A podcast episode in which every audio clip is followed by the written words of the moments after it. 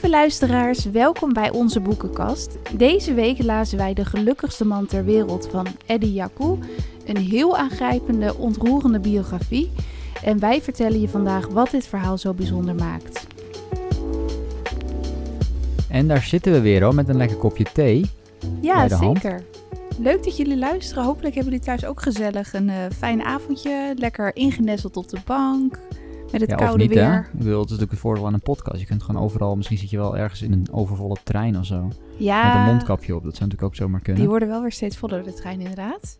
Ja. Of je, zit, eh, of je Ja. ligt lekker in bed. Of, of je ligt Oh, op een heerlijk. strand. Het is wel Nou bijna nog. weekend. Ja. Dat ik laatst aan het doen was. Ja, dat lijkt alweer zo lang geleden. Dat is echt als je weer terug bent in Nederland dat je echt denkt, wat een verschil joh. Maar goed. Maar ja, we zitten lekker met een kopje Is honeybush thee hè, dit keer. Ja, heet het honeybush? Dat is bessen of zoiets dergelijks? Nee, honeybush is, is eigenlijk soort, volgens mij een soort van eh rooibosachtige thee. Oh, dat is een andere, rooibos. een andere, andere struik volgens mij. Oh ja. Correct me if I'm wrong. Eh, ik hoorde dat, eh, we hoorden de, misschien de mails wel binnenkomen als ik het verkeerd heb. Maar, maar ja, nee, wel, ik vind het wel lekker. Er zit een beetje honingsmaak aan. Ik denk dat het de reden is om het honeybush noemen. Klopt. Ja, we drinken vaak thee. Wij, wij bespreken vaak s'avonds een boek. Maar wij zijn ook wel echte koffiedrinkers. Maar meestal is s'avonds toch wel een koffie thee, vind ik lekker. Ja, s morgens is altijd de koffie, hè? De cappuccino's en de koffie. Daar gaat het wat harder Ik vind het altijd lekker om zo lekker wakker te worden met koffie en dan een luisterboekje aan. Dat vind ik wel altijd wel relaxed. Misschien Maar moeten we maar gewoon een keer aflevering afnemen in de ochtend. Dan ochtend, ben de benieuwd ochtend. of mensen verschil horen. Of we dan nog heel erg slaperig Dat klinken. ik dan heel niet. slaperig klink en jij gewoon, gewoon normaal. Nou ja, valt wel mee op zich. Maar ik ben wel benieuwd ook of, ja, of mensen thuis of jullie lekker ochtend- of avond theedrinkers of koffie of allebei. Kan ook. Ja. Maar Meeste, ken- mensen, de meeste mensen drinken natuurlijk allebei. ja, ik ken meer mensen die geen koffie lusten dan geen thee eigenlijk. Dat is wel waar. Met, je ja. met thee ook meer variatie hebt misschien. Dat is ook niet helemaal waar, maar gevoelsmatig wel. Klopt, maar dat is bij ons nu een beetje, eh, als we een boek gaan bespreken, staat daar gewoon lekker thee bij. En Ja. nou, wij dachten heel enthousiast, eh, we hadden iets gezien op tv over banketbakkersroom. Nou, ik vind dat super lekker, maar wij dachten heel enthousiast, dat gaan we ook gelijk maken. Een tompoesachtig iets. Nou ja, wat, kan, tompoes. wat kan er misgaan? Maar het is een dachten beetje eh, mislukt. Ik, en ze zeiden nog in die aflevering, dit kan thuis nooit mislukken. banketbakkersroom Maar we, zelf we weten maken. waarschijnlijk wel wat er mislukt is. Dus dat, dat scheelt wel. Ge- Plantaardige melk hadden we gebruikt. Dat sowieso. Maar voornamelijk denk ik dat de, we waren vergeten om alleen de eidooiers te gebruiken. We hebben het hele ei gebruikt. Ja. Omdat, ehm, Het Is smaakt geen niet heel succes. lekker. Vond jij het wel lekker of niet? nou, ik vond hem wel oké. Ehm, ik bedoel, het was niet ideaal, maar het was best wel goed te doen. Ehm, maar ik weet dat jij absoluut geen ei-fan bent. Dus ehm, dat helpt niet. Nee, klopt. Als het echt ergens doorheen verwerkt is, eet ik het natuurlijk. Maar dan proef je het niet echt. Maar nu dus Ja. wel. En nu is wel ja, heftig ei. Dus ja, dus mensen we nog hebben tips lekker, hebben? We hebben een lekkere tompoes gegeten, ja, maar eh, ja, dat is niet helemaal gelukt. Dus we gaan binnenkort gewoon nog een keer maken. En dan gaat het helemaal een succes worden. Hopelijk. Maar deel vooral jullie favoriete bakrecepten. Zeker zo in de herfst. Of misschien wel iets met speculaas of Nou, pepernootjes. speculatiekruiden beginnen nu weer helemaal los te gaan, hè? Lekker. Ja, we wilden ook nog iets bedenken voor Sinterklaas om iets origineels te bakken. Dus Ja. dat is Nou, binnenkort. volgende Dus aflevering. laat het vooral weten, lieve mensen. Maar heel Ja. gezellig dat jullie erbij zijn. En vandaag kregen wij, of ja, deze week, hoorden wij van twee goede vrienden van ons... dat zij een heel eh, bijzonder aangrijpend boek hadden gelezen. Dus die hebben op hun aanraden hebben wij eh, De Gelukkigste Man ter Wereld geluisterd. En Ja.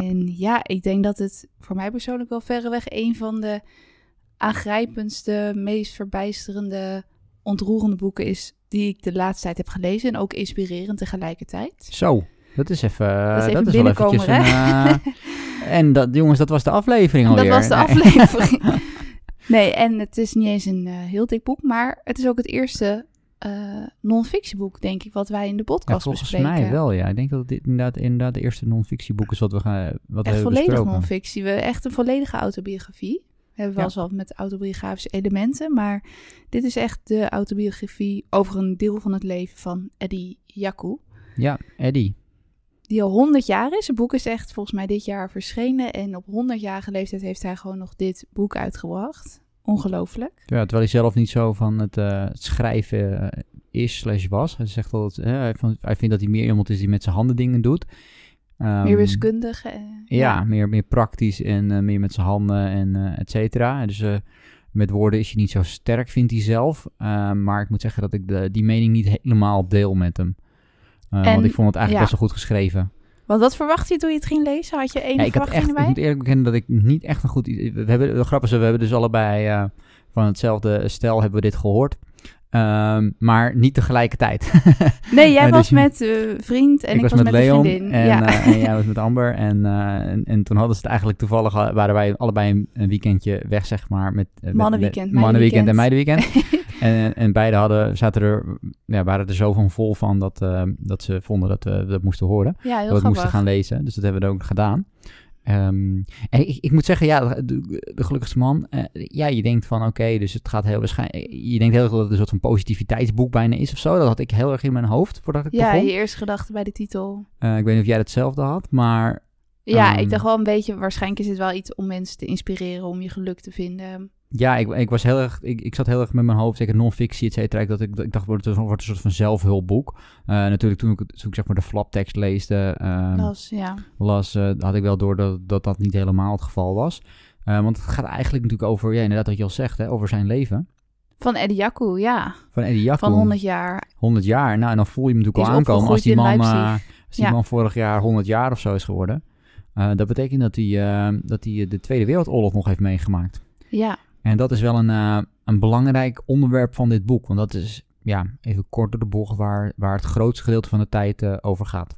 ja, ja. En eh, hij beschrijft het ook in de proloog en ook in de flaptekst wordt dat inderdaad beschreven van dat het een heel duister en verdorven verhaal is wat hij heeft meegemaakt en hele erbarmelijke omstandigheden, maar dat het ook juist gaat om hoop en licht vinden in hele duistere tijden. En ja. dat vind ik er wel heel uniek aan. Ehm, want ja, we hebben allebei natuurlijk wel meerdere boeken gelezen over de Tweede Wereldoorlog, denk ik. Ja, ik denk de hoeveelheid natuurlijk boeken, series, liedjes, films, et cetera, over de Tweede Wereldoorlog zijn natuurlijk eh, zijn talrijk. Ehm, documentaires. Ehm, maar dit is, eh, dit is eentje die natuurlijk een iets andere... Ja, dit, A is het natuurlijk non-fictie, dus daarmee is het natuurlijk al eh, toch iets anders dan, eh, dan, dan, eh, dan de gemiddelde Dan een roman die het op waarheid heeft gebaseerd. Ja. Ja, Ehm, en dat, dus dat is één belangrijk punt, denk ik. En het andere punt is wat je al zegt. Hij probeert heel erg een soort van de positiviteit bijna te vinden. Ondanks de gruwelijkheden die er plaatsvinden. En dat voelt een beetje gek als we dat zo zeggen, denk ik zelf. Als je dit nu zo hoort, dat je denkt van ja, hoe kan een vredesnaam iemand... Hij heeft op een gegeven moment zitten Ja. in, in Auschwitz. Hoe kan je daar nou de positiviteit van inzien eigenlijk? ja, Maar ik, ja, ik zou zeggen, lees het boek, want dan, dan kom je er echt achter hoe hij dat eh, vertelt. En dat kunnen wij zeker niet zo goed nadoen als dat gebeurt in dit boek. nee, klopt. Kort door de bocht, natuurlijk een van de, een beetje de bottom line, om het zo maar te zeggen, is natuurlijk dat, Mhm. ja, eigenlijk op het moment dat je zoiets overleeft, ja, is, dat Ongelooflijk. is natuurlijk ongelooflijk. En eigenlijk alles wat je daarna meemaakt, is eigenlijk een, een, een- cadeautje. Of- En, en, en laat ook Zo zien, noemt hij het ook letterlijk. ja, iedere ademhaling is een cadeautje voor hem. Ja, En, dat zegt eh, hij, ja. ja, dat is natuurlijk wel. En dat is denk ik uiteindelijk ook waar denk ik veel mensen natuurlijk die dit boek lezen geïnspireerd door raken. Dat je na zulke ondenkbaar heftige gebeurtenissen nog zo positief kan zijn. Ja. ja tegen het eind van het boek vond, vond ik was, wel was wel eh, los- niet echt spoilers of zo, maar tegen het einde van het boek zat er wel een mooie zin in en die eh, dat wa- het was zeg maar dat hij dan zegt van ja, er was, was iemand was geweest op een van zijn lezings, Lezingen, ja, een over van zijn de- lezingen en en, ja. en en die maakte continu ruzie met haar met, met haar moeder. Oh en ja, dan, eh, en dan zegt, weet je, heel, dan, dan, dan op een gegeven moment komt ze thuis en dan gaat ze, de, gaat, ze de, gaat ze de moeder knuffelen, et cetera. En dan zegt hij ook, ja, weet je, als je ruzie gaat maken, doe de, weet je, ga lekker, ga lekker op straat lopen. Er is vast wel iemand die, die, die zwerfafval op straat gooit. Ga lekker daar ruzie mee maken in plaats van met de, met de mensen waarvan je houdt die, om je, die dicht bij je zijn. ja. Weet je, zoals met je moeder. En, Maak ehm, geen ruzie met je moeder. Dat zegt hij nee. meerdere keren in het verhaal. En ja, en als dat- je de mogelijkheid hebt, ga naar je moeder toe en zeg dat je van haar houdt. Ja, Ja, en dat is natuurlijk wel een interessante mindset. Weet je wel, dat, dat, dat, dat hij door de gebeurtenis die hij dus heeft meegemaakt daar, eigenlijk zijn hele leven beter weet te relativeren. En Dat- zoveel liefde en positiviteit en geluk wil delen. Want hij zegt ook heel vaak: geluk is het enige waar als je dat deelt, dat het verdubbelt. Dat vond ik ook wel mooi. hè. Ja, Of zeker. eh, een gedeelde smart is halve eh, smart, maar gedeeld plezier is dubbel plezier. Ja. Dat- met dat soort citaten begint hij ook. Ieder hoofdstuk begint dus met een citaat ook. Dus bijvoorbeeld, als je je principes laat varen, ben je zelf verloren. Of ik wil niet je pijn met me delen, maar mijn hoop. En zo begint dus elk hoofdstuk met een bepaald citaat. Of dat geld belangrijker is dan. eh, of dat, sorry, dat geluk belangrijker is dan geld. Dat soort Geld dingen. is het meest belangrijke wat er is. We hebben het net gehoord, dames en Ja, heren. maar ehm, ja, het, het wat kunnen mensen een beetje verwachten? Het begint met zijn jeugd, denk ik. Dat hij gewoon nog Ja. een onbezorgde tijd heeft in Leipzig, in Duitsland, met zijn ouders en zijn zus. Ja, en dat hij nog naar school kind. gaat. En, en eigenlijk is alles is goed. Hè? Ze wonen met een gezinnetje. Ze zijn gelukkig en tevreden in Duitsland. Hoe ze naar de synagoge gaan. En dan al, eh, want ze Hoe hebben... naar school schaatst. Ja, ja naar school Ehm, schaatsen inderdaad. Echt En hele, hele typisch Duitse... eh, deels ook wel ah, vroeger in Nederland ook nog wel enigszins. Maar dat er eh, zulke koude winds inderdaad eh Ja. in Leipzig inderdaad. En dan langzamerhand eigenlijk hè, wordt het moeilijker voor hem om naar school toe te gaan. En dan weet zijn vader, zijn vader eh, die is echt onderdeel van de, van de middenstand. Dus Ja. die weet hem dan eigenlijk een soort van vals identiteitskaart te krijgen. Of paspoort. En, Als Walter Schleife of zo gaat hij naar een speciale school. ja, dus dan ver moet hij, van zijn ouders? Ja, precies. Dus hij moet ver van zijn ouders. Hij moet eh, echt uit de buurt naar een andere stad gaan. En daar kan hij dan eh, studeren. Echt als op middelbare school, dus van 13 tot 18. Dus dan ben je echt nog eh, echt een tiener. Ja, en, hij, en, en, en, dat is al verschrikkelijk, dat hij zijn familie eh, alleen moet laten, et cetera. En tegelijkertijd een ander ding wat, wat, wat hij verschrikkelijk vindt, of wat verschrikkelijk is, eh, laat ik het zo zeggen, is natuurlijk dat hij inderdaad, wat je al zegt, dat hij een andere identiteit moet gaan aannemen. Alsof hij een wees is. Alsof hij een wees is, geen Jood meer is. Ondanks dat, en dat is ook wel grappig om, om te lezen, of interessant om te lezen, is natuurlijk dat hij eigenlijk zegt, voor de oorlog was ik eigenlijk helemaal niet bezig met dat ik Jood was. Ja. Nee, klopt. Religie was wel een onderdeel, maar het was niet zodanig belangrijk. Ik vergat vaak dat ik Jood was, inderdaad. En op een gegeven moment mocht hij niet meer naar school omdat hij Joods was. Precies, hij, hij, hij was in eerste instantie. Duits. En in tweede instantie was hij ook Duits. En in de derde instantie pas was hij Ja, Joods. Zo zag hij dat. Eh, terwijl dan op een gegeven moment het Duits volk natuurlijk zegt van nee, je bent een Jood. En eigenlijk geen Duitser meer daarmee. Bijna eigenlijk geen mens meer daarmee, uiteindelijk zelfs. Zo heftig wordt het. En dat is ook wat hij meerdere malen omschrijft. Van dat hij zegt: Ik kan gewoon nog steeds niet begrijpen hoe het land waar ik eerst zo van hield. Want hij beschrijft ook eerst echt zijn liefde voor de stad Leipzig. En dat het zo cultureel is. Hoe dat zich zo tegen hem en zijn volk heeft kunnen keren. Dat dat gewoon iets is wat hij ja, niet kan bevatten. En terecht. Ja, en nog steeds niet, hè? Dat is natuurlijk ook wel een belangrijk Dat hij punt daar nog steeds mee zit. Dat hij denkt: Hoe is zoiets mogelijk? Hoe kan iemand als Hitler zoveel haat hebben gecreëerd? Ja. En ehm, ik, ik vind dat, dat hij dat in dit boek wel goed doet. Dat hij een beetje beschrijft hoe dat geleidelijk gaat. Want volgens mij begint het verhaal een beetje in de jaren 1930. En dan gaat het steeds verder. En hij beschrijft een beetje hoe dat stapsgewijs voor hem is verlopen. Dat hij dus eigenlijk eh, begon met een andere identiteit aannemen. Dat leek dan erg. Maar dat hij ook zegt, eh, zei in het boek van... wat me later te wachten stond was nog vele malen erger dan dit. Maar dat hij dan ook beschrijft eh, dat hij teruggaat, volgens mij rond de... Voor mij is dat de kristalnacht. Dat hij dan rond Ja. die datum teruggaat. En dan dus niet vermoedend naar het huis van zijn ouders gaat. En ook zo onvoorstelbaar. Je had, hij had geen kranten of radio of zo op zijn school. Dus hij wist helemaal niet wat de situatie was in Duitsland. En ja, toen kwam hij dus rond die kristalnacht. En toen begon echt het, het kwaad. Toen moest hij vluchten, denk ik. Ja, daar, Nou, toen daar- is hij gearresteerd. Hij wilde vluchten, maar hij is voor mij gelijk ja, hij is gearresteerd gearresteerd zelfs. inderdaad. Hij is toen in het huis gaan slapen van zijn ouders. Zijn ouders waren op dat moment al, eh, al verdwenen. En daar is toen de deur ingeschopt en, eh, en is hij eh, gearresteerd of in elkaar geslagen. Want hij is toen in, in elkaar geslagen, volgens mij in het water gegooid. En ehm, ja, dat, dat Kristalnacht is natuurlijk een, een bizarre, bizarre situatie. En eh, heel heftig. En dat wordt ook, eh, ik, denk, ik, word, ik denk dat het goed omschreven wordt. En, en, en, en zijn schrijfstijl daar vind ik wel echt, eh, echt wel heel mooi hoe hij dat omschrijft. En je, je- hij, hij zuigt je echt mee in dat verhaal. Je, je voelt echt dat kleine jongetje. wat, Moeiteloos doet hij dat, ja. Ehm, op zo'n, al op zo'n vreemde school zit, die zijn identiteit is verloren, weet je, die, die is al zoekende. Dan Hij uiteindelijk gaat hij, erg, ze ja. ouders, dan gaat hij naar zijn ouders toe, zijn zijn ouders daar niet. En dan eh, wordt hij nog een keertje in elkaar geslagen en in, in bevroren. Want dat, is ook, dat doet hij heel goed, hè. Want hij zegt natuurlijk al inderdaad, Leipzig is altijd koud. Eh, je kan schaatsen op het, op het ijs, et cetera. En dan later wordt hij in datzelfde water wordt hij erin gegooid. Ja, eh, Net ja, als wat allemaal andere kinderen. is. Dus, Nou ja, en en ik- ja, ja. ook, hè. Ja, iedereen. Ja, en, en je ziet het echt voor je. Want wat ik ook wel toen al schrijnend vond, is dat hij dus zich op die school heel eenzaam voelde. En dat hij dan volgens mij kon hij een hele enkele keer, kon hij dan wel stiekem met zijn vader bellen. Want toen begon het al. dat hij stiekem, hij kon zichzelf niet zijn. En dat begon dan al vanaf zijn dertiende. Dat hij een hele bepaalde ingewikkelde route moest nemen naar een of andere telefooncel. En dan ook steeds kijken, word ik niet gevolgd? En dat hij dan even stiekem met zijn ouders kon bellen. En dat hij toen ook gewoon vaak in tranen uitbarstte. Dat hij ook zei, ja, ik, weet je, ik trek het niet, die eenzaamheid. En dat zijn vader dus altijd heeft gezegd, je moet sterk blijven, want je opleiding is alles. En dat die vader, dat hij achteraf hoorde dat zijn vader dus ook gewoon brak na die gesprekken. Maar dat die vader er echt alles aan deed om te zorgen dat Eddie die opleiding voltooide. Ja, hij zei natuurlijk, Eddie, die, die opleiding gaat je leven redden. En dan dat is uiteindelijk ook gewoon uh, letterlijk... Uh, letterlijk gebeurd. Letterlijk gebeurd. Want uh, ja, hij komt uiteindelijk Ongekend, dus ja. in, in, in, in, in strafkampen terecht. In concentratiekampen terecht. Verschillende, ja. En Boeg, ja, het ding daar natuurlijk is dat, dat de Duitsers daar ja, ruksigloos tekeer gingen. Maar ondertussen natuurlijk ook een oorlog aan het voeren waren. En mensen nodig hadden die, Goed konden werken. werken. Die, hè, die, die bekwaam waren in verschillende werkzaamheden.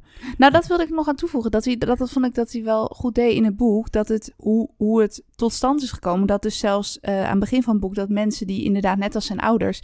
tot de middenklasse behoorden... dat zelfs die uh, moeilijk aan eten konden komen. Terwijl er wel genoeg geld was. En dat hij dus een beetje beschreef hoe die... Ja, ik weet niet of je het armoede kan noemen of onrust. Dat beschreef hij wel hoe dit naar hem uitte, zeg maar, in het gezin. Bijvoorbeeld dat, dat ze geen eieren konden kopen. Ja. En, en geen, weet je wel, dat nee, dat kijk, heel al- Duitsland ja, natuurlijk, dat is natuurlijk uiteindelijk het hele probleem. Is dat, dat natuurlijk na de Eerste Wereldoorlog Duitsland Precies, ja. zo gestraft werd. En dat eigenlijk, hij wel goed. ja, dat er eigenlijk gewoon, dat land kon niet bestaan. Hè, niet langer bestaan op de manier zoals het was. Waardoor er een enorme hoeveelheid onvrede was. En Ehm, economisch en die, die werd eh, afgeschoven lastig. uiteindelijk op, eh, op, op, op de Joden en andere minderheden. Ja, En dat is natuurlijk uiteindelijk ehm, waar je dan de hele Tweede Wereldoorlog bijna uit eh, hè, dat is een beetje versimpelen hoor, maar komt daar uiteindelijk dan die Tweede Wereldoorlog uit voort. En dat is natuurlijk, ehm, en dat, dat, dat omschrijft hij ook. En voornamelijk hij omschrijft het natuurlijk vanuit zijn blik, hoe hij dat, hè, toen hij als 13, 14-jarige eh, dat zag gebeuren. Wat heel goed is, denk ik, wat heel interessant is, want dat betekent ook dat hij eh, niet, en ook van heel erg vanuit zijn ik-perspectief het, het vertelt. ja. Waardoor hij ook niet die, ja, precies wat ik nu zeg, een beetje plat slaat. Hij kan het heel makkelijk plat slaan, want hij kan gewoon zeggen: Dit is wat ik ervaren heb toen de tijd.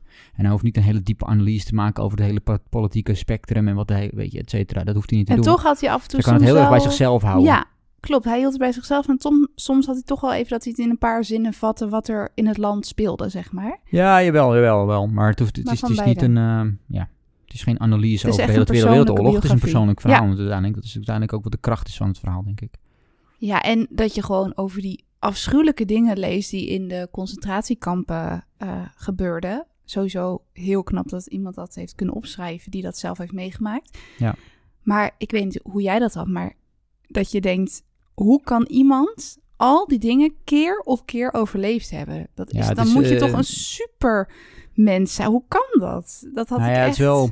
In, eh, ik moet zeggen dat toen, ik denk dat ik, eh, nou, hoe oud was ik? Ik denk 15, 16 of zo. Toen ben ik ook een keertje geweest bij, een, eh, bij iemand die, eh, dat was dan altijd rond eh 5 mei. En hadden we wel Oh eens eh, eh, iemand, eh, ook een overlevende, zeg maar, van eh, verschillende, eh, of een soldaat. Of, eh, Maar die kan dan eh, spreken of Die kan zo. dan spreken en die kon dan ook vragen stellen, et cetera.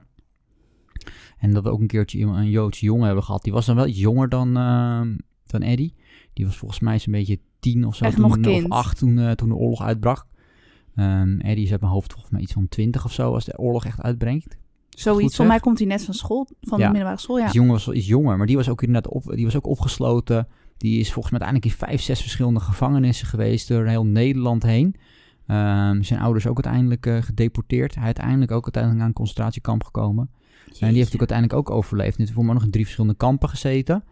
Ehm, en, en, en, en het, het is gewoon bizar uiteindelijk. En, en je ziet uiteindelijk dat de reden daarvoor verschillende redenen natuurlijk zijn. Ja. Zeker tegen het einde van de oorlog is op een gegeven moment gewoon, dat, dat, zit, dat zit ook op een gegeven moment in dit verhaal, is dat ze eigenlijk, ja gewoon hè, in het begin gebruikten ze gewoon munitie eh, eh, voor de executies. En dat, op een gegeven moment zijn die kogels gewoon op. Op een gegeven moment komen natuurlijk echt die gaskamers, die, die komen op een gegeven moment in het beeld. Maar op een gegeven moment is natuurlijk Duitsland en Polen zo da- daadwerkelijk in, in rep en roer, om het zo maar te zeggen, dat de oorlog zo slecht gaat. Ja, dat uiteindelijk En het ook- Russische leger en, en, en de Amerikanen en Engelsen komt en de kwamen ook? Amerikaanse komen, et Ja. cetera. Dat ze op een gegeven moment gewoon letterlijk die, die, die, die, zeg maar, die hele concentratiekampen gewoon laten rondmarcheren door het land heen, van de ene kamp naar het andere kamp, omdat ze gewoon niet meer de middelen hebben om, om mensen te doden. En op een gegeven moment gaan natuurlijk steeds verschrikkelijke hoeveelheid mensen nog steeds eh, komen te Tijdens die overlijden. tochten, ja. tijdens die tochten, tijdens en dingen die gebeuren. En ik weet dat die man die ik toen had gesproken ook, Hmm. die ook inderdaad hele, echt hele lange stukken heeft gewandeld, inderdaad als kind zijn. Dus was je op een gegeven moment 15, 16. Eh, Jeetje. enorme lange, lange stukken heeft gelopen. En dat inderdaad heel veel, voornamelijk mensen die ouder waren, en die hele oudere generatie, dat niet heeft overleefd. Omdat het gewoon te zwaar was. Geen eten, ijskou. Echt, echt, echt gruwelijk. Echt gruwelijk. Nou ja, en, en wat Eddie ook in dit boek beschreef, is dat ze die mensen uit de kampen wilden hebben. De, want hij zat dan in Auschwitz volgens mij toen de tijd. Ja. En dat hij toen dus inderdaad weg moest. Omdat ze dus bang waren. De mensen, zeg maar, de, ja, de, de nazi's in Auschwitz, die waren dus bang dat, dat zij werden gegrepen door het Russische leger. En zij waren bang van, als ze zien wat wij hier met die mensen hebben gedaan, met alle Joodse mensen hebben gedaan, ja, dan, dan worden wij gezien als moordenaars. Dus die, die werden gewoon bang. Ja, dat is, het is, ja. Ja, het is, als je dit nog steeds, als je dit ook weer leest, hè. bedoel, het is natuurlijk, je krijgt er een brok Zo van in je keel. onwerkelijk. Het is, maar het is zo onwerkelijk. Echt waar. En tegelijkertijd is het, zo ver geleden is het niet. Nee. Dat is natuurlijk het hele ding. Als je dit soort dingen leest over de Romeinse tijd of iets dergelijks, dan denk je, nou, dat is, weet je, dat is 2000 jaar geleden. Waar Andere hebben we het tijd. over? Ja. Het is een andere tijd, het zijn andere mensen. Dat is zo ver, zo Ook ver van je bedshow. Ja, Eh, is natuurlijk ook verschrikkelijk, hè? De hele, de hele wereldgeschiedenis is op dat vlak eh, niet al te best. Maar dit is natuurlijk een ja, re- re- relatief recentelijk. Hè? We, we kennen allebei nog mensen uit die tijd. Zoals ik zeg, ik heb mensen gesproken die dit hebben meegemaakt. nou, het feit dat wij nu Ja. een boek lezen van iemand die nu nog in leven is, die dit heeft meegemaakt en die dit zo heeft opgeschreven, Ja, is natuurlijk ja, chockerend. is, ja, is echt, echt chockerend. En heb jij bepaalde... Want het is, het is natuurlijk heel, heel chockerend wat hij allemaal beschrijft. En Ja. heel knap. Ik heb daar trouwens één stukje over uitgekozen... wat mij wel helder voor de geest staat. Dat je denkt, je ziet het helaas voor je. Oké, Er staan nog veel heftigere stukken in, maar ik dacht, ik wil dit toch wel graag voorlezen. we gaan het meemaken. ja, Houd je vast. ja, dit is niet dat ik zo graag mijn stem wil laten horen, maar meer omdat ik jullie wil laten horen hoe goed eh Eddie Jacco dit eh, heeft opgeschreven. Auschwitz was een dodenkamp. Als je ochtends opstond, wist je nooit of je weer naar je bed zou terugkeren. Niet dat we een bed hadden. We sliepen op van har- harde, houten planken gemaakte ruwe stapelbedden, iets minder dan 2,40 meter breed. Zonder matras, zonder dekens, sliepen we met tien man naast elkaar, waarbij de enige warmte van de andere mensen afkomstig was. We sliepen naast elkaar, op elkaar gepropt als haring in een ton, omdat we alleen zo konden overleven. Het was zo koud, 8 graden onder nul, en we werden gedwongen naakt te slapen, omdat je niet kon ontsnappen als je naakt was. Wie s'nachts naar het toilet ging, maakte bij terugkomst de eerste en de tiende persoon in de rij wakker, zodat die in het midden van de kluwe mensen konden gaan liggen. Als dat niet gebeurde, zouden degenen die aan de buitenkant lagen doodvriezen. Nou ja, en ik, ik dacht dan nog, oké, ja, ze hebben een bed. En dan lees je en dan wordt het steeds een stukje erger. Dat je denkt, hoe kan dit? Hoe kan hij dit overleefd hebben? Dat is echt eh, ongelooflijk. Maar eh, het is dus wel, die opleiding heeft echt zijn, zijn leven gered. Hij is zo ontzettend Ja, dus hij kan- vindingrijk. Hij en kan dus met fijne, fijne machines kan hij dus eh, onderhouden en bouwen, et cetera. Ja. Dat is een beetje het ding. werktuigbouwkundige. Ja, ja. fijn werktouw, werk, werktuigbouwkundige. ja. Ehm, maar eh, inderdaad, en dat is natuurlijk typisch iets wat ze natuurlijk nodig hebben uiteindelijk eh, in allerlei o- oorlogsmachines. Hè, in, in, fabrika, in fabrieken voor fabrikage, eh, in, in, in machinegeweren en we noemen het allemaal op. Dus daarin is het natuurlijk heel nuttig. Hij is Eh, onmisbaar, uiteindelijk- economisch. Zo wordt hij ook genoemd. Een on- onmisbare jood Economisch onmisbare jood. Dus dat is de enige reden uiteindelijk dat hij eigenlijk het eh, overleeft. Omdat ze hem net aan genoeg eten geven om, eh, om te overleven. Alhoewel natuurlijk aan het einde eh, van het boek eh, ja, er weinig meer over is van Eddie, om het zo maar te zeggen. Of eigenlijk aan het einde van de Tweede Wereldoorlog, aan het einde van het boek is hij natuurlijk weer eh, gewoon herboren, gelukkig. Maar, Maar, dat, ehm, dat, ook die, dat ze af en toe dus een arts hebben in het kamp die dan langskomt in, eens in zoveel tijd om dan te checken of je nog gezond genoeg bent om te werken, of je niet luizen hebt, of je niet te veel bent afgevallen. En, en dat je anders, als je gewoon te zwak was, dat je gewoon ja, werd meegenomen om vermoord te worden. Gewoon. Ja, maar hij heeft ook een kameraad daar in dat kamp. Ja, En, ehm, en dat is natuurlijk wel, hè, want dat is natuurlijk uiteindelijk, het boek is natuurlijk het gelukkigste, de gelukkigste man. Ja, En, en, en, en eh, hij wordt niet per se de gelukkigste man op dat moment, speciaal van die kameraad. Maar een van de belangrijke dingen die hij wel daar doet, is natuurlijk dat hij zegt van, ehm, het gaat uiteindelijk om die liefde en die eerlijkheid. En ze kunnen niet, eh, datgene kunnen ze niet afpakken van me. Die liefde die we hebben voor elkaar, die samenhorigheid, die vriendschap, die, die, die staat boven alles. En dat is natuurlijk uiteindelijk hetgene wat hem, wat hem drijvend houdt, hè? fysiek en mentaal drijvend houdt, eh, om uiteindelijk het vol te houden. Alles. en ze zorgen ook voor En ze elkaar. zorgen Als voor de een elkaar. ziek is, doet de ander het werk. Of ze delen hun eten met elkaar. Ze praten met elkaar. Ze slepen elkaar er doorheen als ze het niet zien zitten. Ja. Ehm, En dat is uiteindelijk ook na de oorlog ook. Dan gaan zij ook samenwonen. Ehm, om, om natuurlijk eh dan vinden ze elkaar weer terug. Dat is Dan ook vinden wel ze elkaar heel, weer terug. heel Want wonderlijk. eerst denkt hij dat hij eigenlijk iedereen is verloren. En, en dat vertelt hij dan ook wel. Natuurlijk op het moment dat je eigenlijk iedereen... Hij is eigenlijk zijn hele familie. Op het moment dat hij eigenlijk na de oorlog, als je ontsnapt is...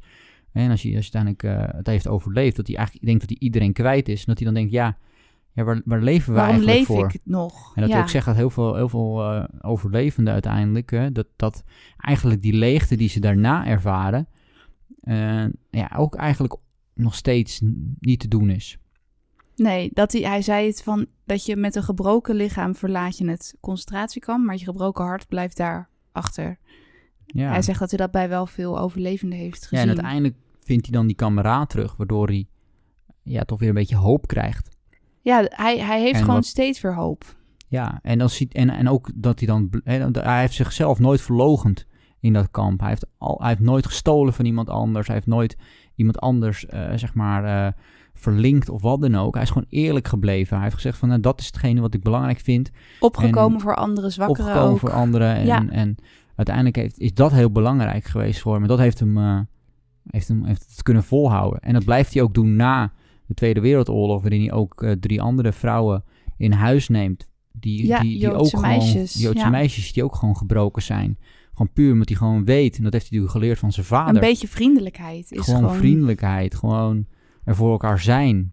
Gewoon Ja. voor elkaar zijn, dat is al voldoende om uiteindelijk het leven, eh, ehm, ja, om gelukkig te zijn in je leven. Als je, kan, als je voor mensen kan zorgen en andere mensen willen voor jou zorgen, ehm, dat maakt je uiteindelijk gelukkig. Ehm, en, en geld of, of allerlei andere zaken zijn uiteindelijk allemaal bijzaken. Ja. Die eh, misschien dat wat makkelijker en wat mogelijker maken, maar waar het niet om gaat. Nee, en dat hij ook zegt, er er liep ook een, een Joods iemand rond die expres mensen ging verlinken. Dat heb ik gewoon nooit over mijn hart kunnen verkrijgen. Dat heb ik gewoon nooit gedaan, want dat maakt je ook een, een slecht mens. En Ja, en wat is het nut van te overleven als, je zo, als, je, als het zo ja, moet? ja, dat zegt hij ook letterlijk. En hij zegt ook dat hij van dag tot dag daar heeft geleefd. En dat hij gewoon steeds een dag eh, weer overleefd was, weer een stukje extra hoop. En, en nou, dat, dat heeft hij ook van zijn vader meegekregen. Want op een gegeven moment zit ze volgens mij in een wagon met heel weinig water. En omdat zijn vader dan een hele eh, ja, slimme oplossing bedenkt met... Volgens mij heeft hij een heel klein kopje en dan bedenkt hij iets met vierkantjes... waardoor ze allemaal hun water kunnen afmeten. Houden zij het langst vol met water. En dat soort dingen dat ik denk... Hij heeft zoveel dingen bedacht en uitgevonden en zijn opleiding... waardoor hij het gewoon steeds weer... Ja, de, de, de dans is ontsprongen, zeg maar. Waardoor hij het steeds heeft overleefd. Ja. Echt ongelooflijk. Ja, en hij kan uiteindelijk natuurlijk niet het eh, Duitse volk logischerwijs eigenlijk eh, vergeven. Nou, dat vond ik wel bijzonder dat hij dat zei in de epiloog volgens mij. Dat hij zegt, ik, hè, ik geloof niet in haat. Met haat kom je nergens. Ja. Maar dat hij dus ook zegt dat hij Hitler niet haat, maar dat hij hem nooit zal vergeven. Maar dat vind ik wel, wel heel knap dat je dat zo kan zeggen. Ja, ja uiteindelijk, uiteindelijk is dat natuurlijk... Uiteindelijk denk ik, dat, wat, dat zegt hij ook. Hè? Hij zegt, iedere, iedere, iedere ademteug die ik neem, iedere hap eten die ik proef, eh, die proef ik. En, en die ademteug neem ik. En, en, en, en Hitler doet dat niet.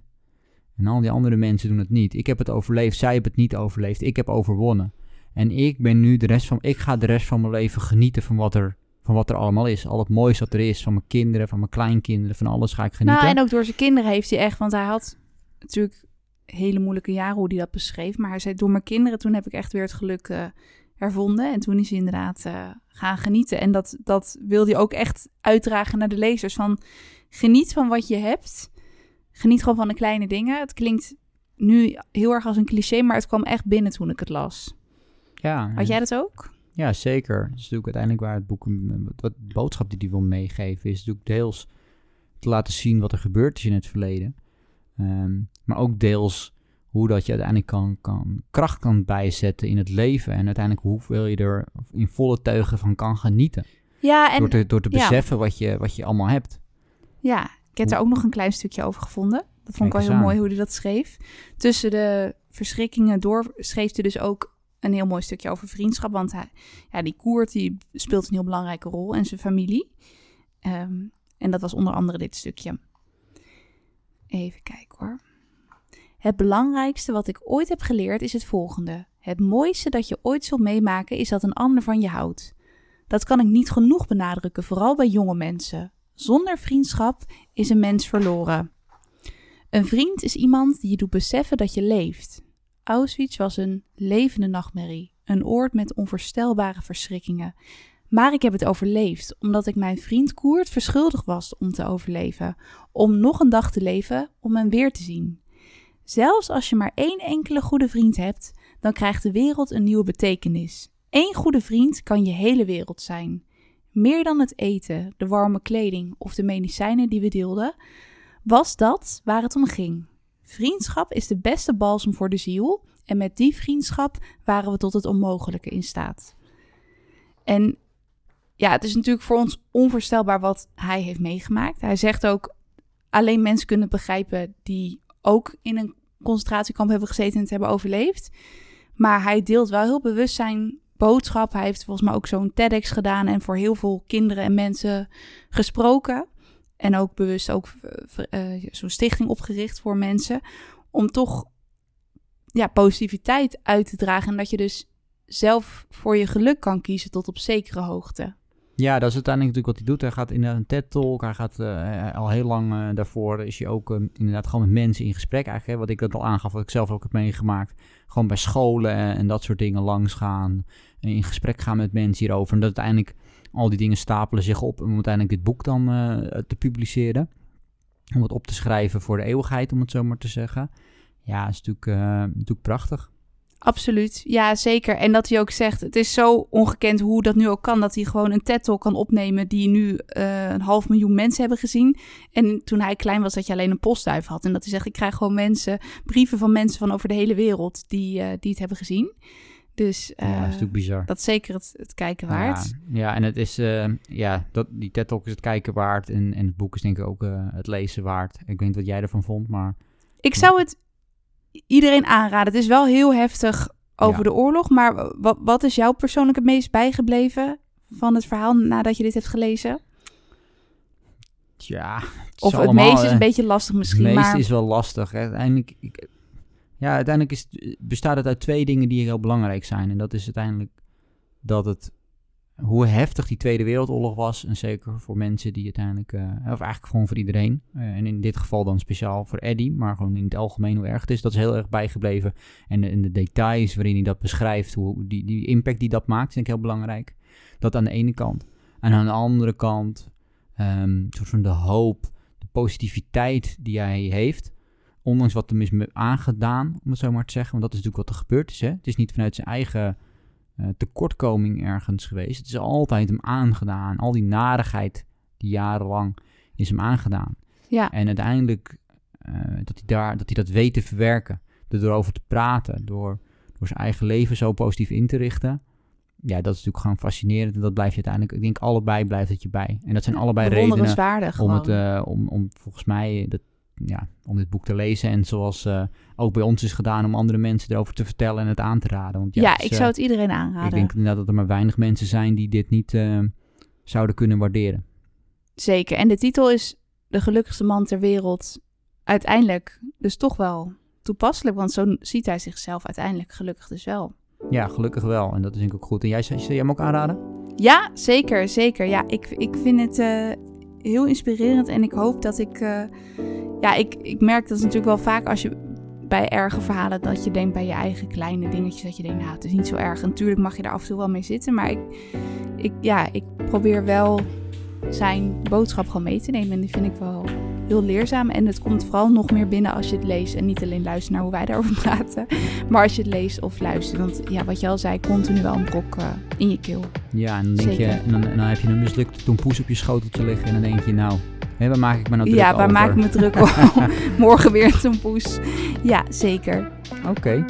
Nou, leuk. En uh, jullie thuis heel erg bedankt voor het luisteren. We hopen dat jullie het een uh, interessante aflevering vonden. En heel erg leuk als je een berichtje achterlaat voor ons. En dan hopen we je heel gauw weer terug te zien of te horen bij onze boekenkast. Dankjewel.